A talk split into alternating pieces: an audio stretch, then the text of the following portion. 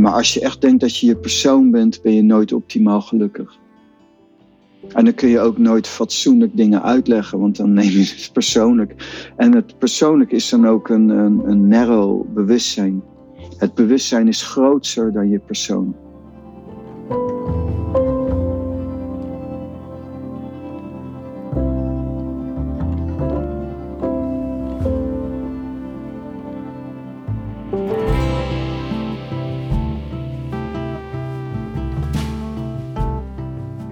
Je wilt niet persoonlijk nemen. Je wilt het niet persoonlijk nemen dat een klant ontevreden is. Je wilt het niet persoonlijk nemen dat opeens je omzet terugloopt of je engagement op social media of dat iemand een samenwerking stopzet omdat hij liever met iemand anders samenwerkt die misschien beter of succesvoller of aantrekkelijker lijkt dan jij.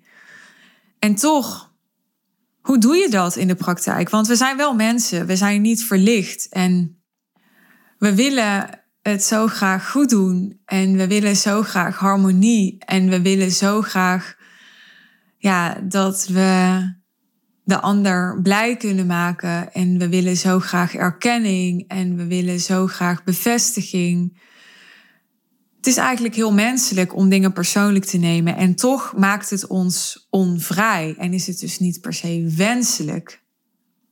Hoe ga je daarmee om? Met dat we aan de ene kant mensen zijn met ego's die dingen persoonlijk nemen en dat aan de andere kant niet willen. Daarover praat ik in deze aflevering met Pranay. Veel luisterplezier. Pranay. Hoi. Jij uh, hebt het er wel eens over dat jij vindt dat uh, grootste ziekte van onze samenleving de ziekte van serieusheid is, toch? Ja, dat klopt. Hoe ik uh, het zelf ervaar, is wat ik echt, ja, waar ik me echt heel erg uh, aan stoor, is hoe persoonlijk wij alles nemen, inclusief ikzelf. Mm -hmm. Ik ga een concreet voorbeeld geven.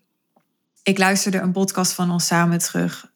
Ik heb het net opgezocht. Het was aflevering 395. Die ging over dat ik merkte dat ik me vaak niet begrepen voelde en hoe dat kwam. Mm-hmm. En ik luisterde dat terug en ik hoorde mezelf praten over de casus van de vrouw die voor mij werkte. En dat dat botste en dat ik dingen had gezegd waar zij aanstoot aan had genomen die zij destructief vond. Dat ze daarover was gaan delen. En ik zei daarover, ja, wat ik dan niet begrijp is, waarom zeg je dan eerst tegen mij, terwijl we samenwerken en het koek en ei is, dat je me zo inspirerend vindt. En dan botst het en dan doe ik iets hè, wat, uh, wat niet uh, door de beugel kan in jouw ogen. En dan Mhm. moet mijn kop eraf. En ik luisterde daarnaar en ik luisterde naar dat stukje en dan moet mijn kop eraf. En toen dacht ik, nou wat stom. Ik zit het daar zo persoonlijk te nemen. Want zij heeft waarschijnlijk gewoon expressie gegeven aan haar ervaring. En waarschijnlijk gewoon andere mensen willen helpen met wat zij meemaakt. En er staat helemaal nergens dat haar intentie was om mijn kop eraf te halen. En ik denk ook eigenlijk dat dat helemaal niet zo was. Maar ik zeg het wel. En dat Nou, is dus ja. wat wij doen. dat is dus wat wij doen. En wat volgens mij zo enorm ons geluk, ons succes en onze vrijheid belemmert. Ja, dat is zo. Ja. Dat is dan wat je doet. En dan zeg ik, nou ja, je, je, je kunt het ook allemaal een beetje relativeren. Dus we zijn zo, ik heb wel eens gezegd, ik ben ook maar ik. Eh, maar dat, dat, dat, zo zie ik dat ook naar de anderen. We zijn allemaal maar wie we zijn. En zij, zij geeft dan wat met een paar uitroeptekens aan, wat zij dan, wat haar niet bevalt, dan bijvoorbeeld. En dat, dat is het. En ja, dat, daar, verder gaat het ook niet. In de taal hebben ze het ook over de kunst van het relativeren. En dus je, en, en als je echt wilde relativeren, dan moet je beseffen dat als iemand echt jou aanvalt, dan is dat omdat hij je niet kent. Oh, dat is mooi. Dat vind ik een mooie. als je diep genoeg met wie dan ook in contact komt, heb je begrip. Maar je zegt als iemand jou echt aanvalt. Maar ik denk dus dat heel veel mensen zich aangevallen voelen. Terwijl die ander helemaal niet de intentie had om aan te vallen. Nee, dat heeft ook te maken met ehm, luisteren in aandacht. En het opnemen zonder je persoon te serieus te nemen. Dus het eerste wat je zou moeten doen in een communicatie is uh, los van het op jezelf betrekken. Uh, meer afvragen wat wil die ander eigenlijk zeggen? Waar zit die ander? En wat, wat bedoelt die ander of wat ervaart die ander dat hij dat zo doet? Of hij of zij dat zo doet. En, en dan krijg je ook uh, wat Thij noemt deep listening. En dat is de voorwaarde voor communicatie. Want die ander die. Niemand is primair boos op iemand anders uh, zonder zichzelf. Dus die ander wil iets vertellen. En die vertelt ook iets. Dat is ook interessant. Je zegt niemand is primair boos op iemand anders zonder zichzelf. Klopt. Wat bedoel je dat daarmee? Is, nou, de basis daarvan komt uit de taal ook. Wat ik beoefen is die empty boat. Als iemand je aan, is een heel verhaal, dat zal ik je besparen dan misschien. Maar de kern daarvan is, als iemand jou iets uitscheldt, dan moet je beseffen dat die persoon jou niet uitscheldt. Die empty boat. Het is een. Ik wil het wel kort vertellen, want je haalt het nu twee keer aan. Dus ik denk dat mensen nu ook willen weten waar het over gaat. Maar het is toch het verhaal van. Ik, ik, doe het even kort door de bocht. Ja. Iemand is aan het varen en. Nee, zeg jij het maar. Ik, ik, ik ken het verhaal en toch kan ik het niet reproduceren. Er is een, uh, een visser en die vist in, vaart in een boot en die is heel, heeft een kort lontje. En, en scheldt heel snel tegen mensen en zo. Op een gegeven moment vaart er een andere boot, klein bootje, het zijn kleine bootjes, tegen zijn boot aan. En hij, die visserman die begint te schelden, te schelden. En dan loopt hij dus ook naar die boot toe en dan, en dan ziet hij, er zit niemand in. Het was een lege boot die tegen zijn boot aanvaarde. En toen stopte hij met schelden. Ja, er is niemand om te schelden. Het was een lege boot. Ja. En, en dat is de kern van het verhaal. Als je diep in contact komt met de diepte en je begrijpt echt de ander, dan is het verhaal is dat je begrip hebt. En dus er is niemand. Er is iemand die is onhandig. Er is iemand die is afgedwaald. Er is iemand die het verkeerd interpreteert. Er is, het zijn eigenlijk altijd, bijna altijd misstanden en, en alles. En als we dat gaan beseffen en jij reageert op iets, dan weet je in ieder geval dat je een, de, diepte een bepaald inzicht mist. Die empty boat. En als je dat gaat praktiseren, wat ik ontdek is dat ik het dan ook terugbreng naar mezelf. Als ik reageer, als ik te emotioneel word, dan weet ik in ieder geval dit, die te emotioneel, die te veel emotie, te intens, is doordat ik zelf een bepaald inzicht mis. Want zou ik alles weten in de extreemste realisatie die ik uh, dan voor, even voor mijn ogen krijg, is Jezus die gemarteld is, aan het kruis hangt en zegt: Vader, vergeef ze, want ze weten niet wat ze doen. Dat is compassie. En dat is ook wat we zou veel, veel meer zouden moeten ontwikkelen. Van ja, maar iemand die iets doms zegt of zo, is dat dan een, iemand die gecanceld moet worden? Is dat dan iemand dan? Of zouden we meer moeten gaan kijken, maar wat probeert iemand te zeggen? Ja. Wat probeert iemand te bereiken? Ja. Niet, niet persoonlijk nemen te snel. Dat is die empty boat. En serieus, dat is het probleem. Je neemt je persoon te serieus, maar los van mij zegt de ander dus iets tegen mij. En dat wil ik wel naar luisteren. Dat vind ik wel interessant. Ja, ik ga nog een, uh, een persoonlijk voorbeeld aanhalen. Want ik kreeg uh, laatst nog een keer een heel lelijke mail van iemand. Mm Ja, die mail was eigenlijk zo lelijk dat ik hem mm ja, niet echt meer serieus kon nemen. omdat ja, als iemand gewoon echt heel lelijk is, dan kan je ook de conclusie trekken. Ja, inderdaad, precies wat jij zegt.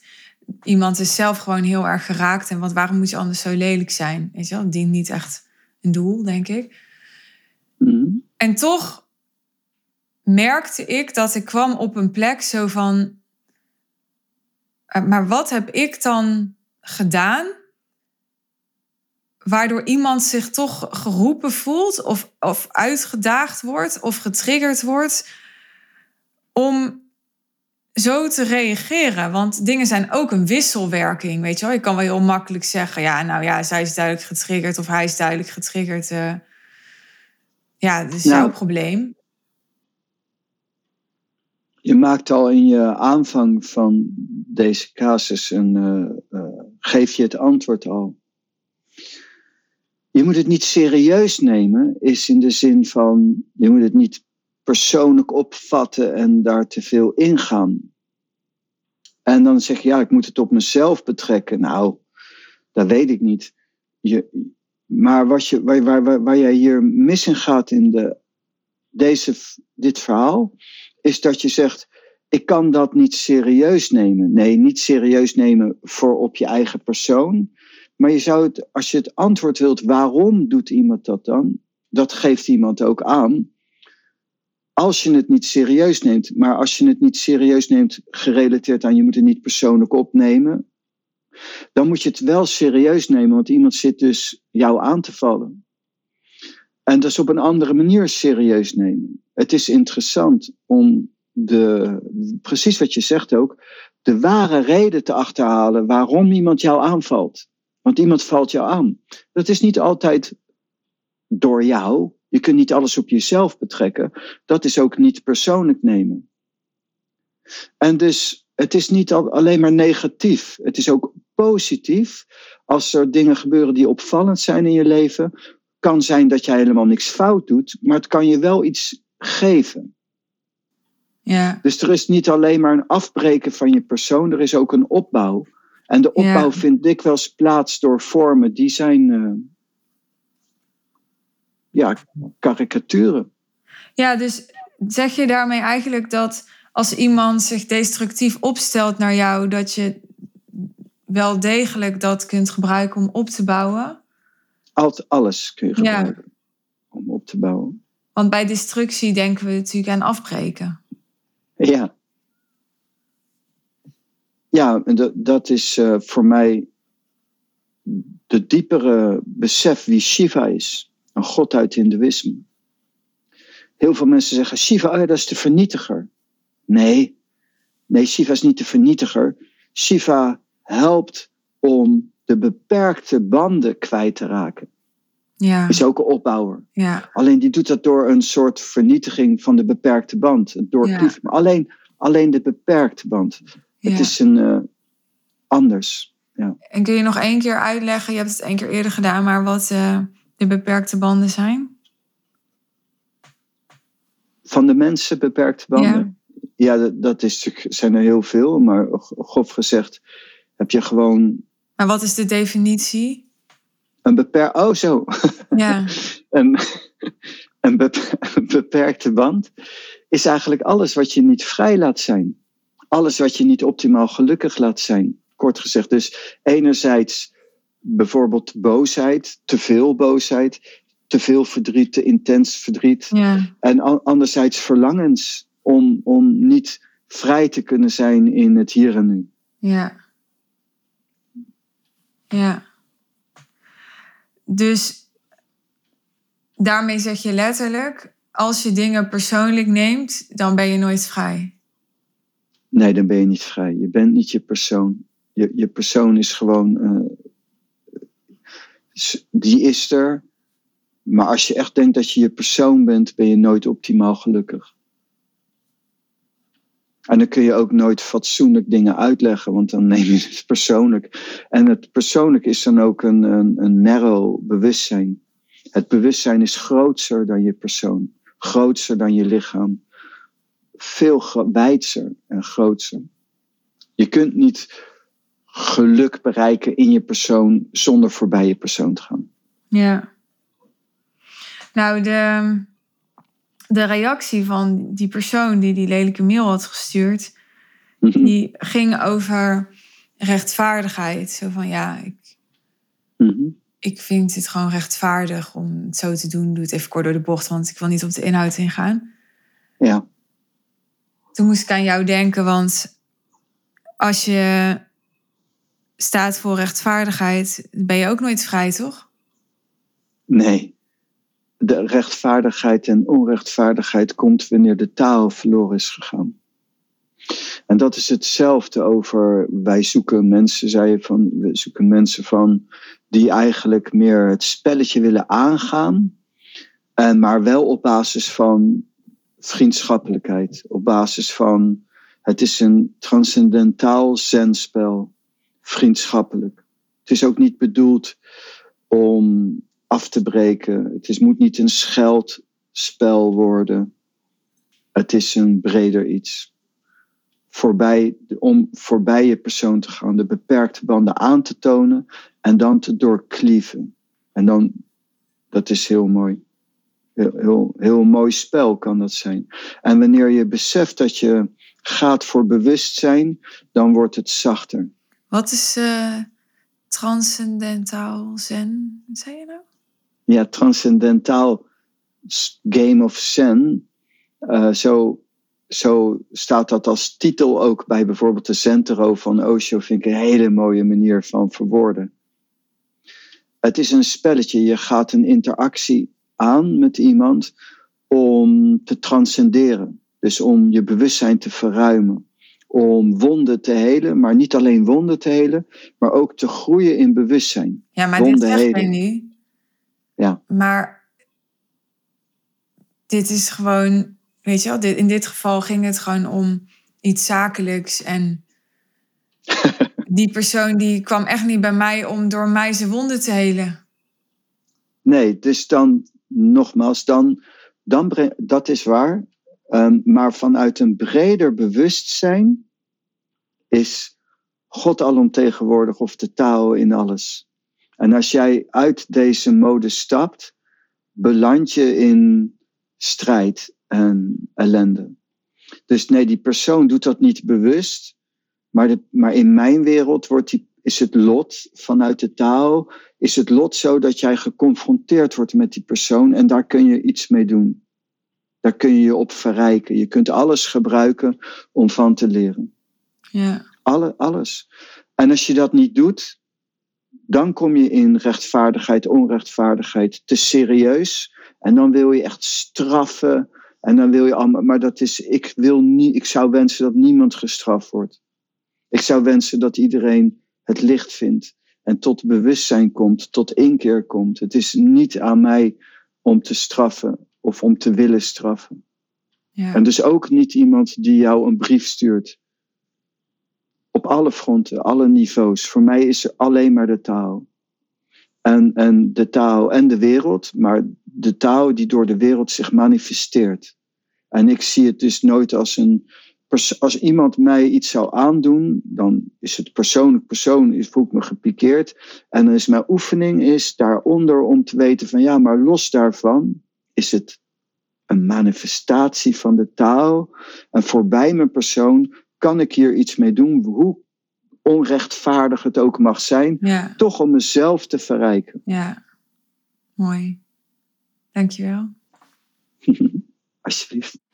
Dankjewel voor het luisteren. Ik ben eh, benieuwd hoe dat wat je gehoord hebt in deze aflevering gaat en kunt integreren in jouw ondernemerschap en leven. Want eh, dat is het belangrijkste, dat je het kunt integreren. Dus wil je daar wat over delen? Of eh, heb je een andere reactie op deze aflevering? Laat het ons weten. In de show notes lees je hoe je contact kunt leggen. En heb je een eh, vraagstuk of een thema waarvan je graag wil dat wij die bespreken in een podcastaflevering, mag je die ook met ons delen. Dus kom maar door. Tot slot is dit een thema dat ook jou aan het hart gaat, net zoals het mij aan het hart gaat. En ehm, wil je deze content delen met jouw netwerk? We zouden het tof vinden als je deze aflevering dan deelt op jouw social media kanalen. Vergeet mij niet te taggen zodat ik het ook kan zien. Dankjewel alvast. En je kunt ons op een andere manier supporten door deze podcast 5 sterren te geven op iTunes of op Spotify. En of een review achter te laten met wat jij aan deze podcast hebt. Want zo kunnen andere ondernemers en andere luisteraars ons beter vinden en zien dat jij deze content waardeert. Heel graag tot onze volgende aflevering en een mooie dag, avond of wel te rusten. Bye bye.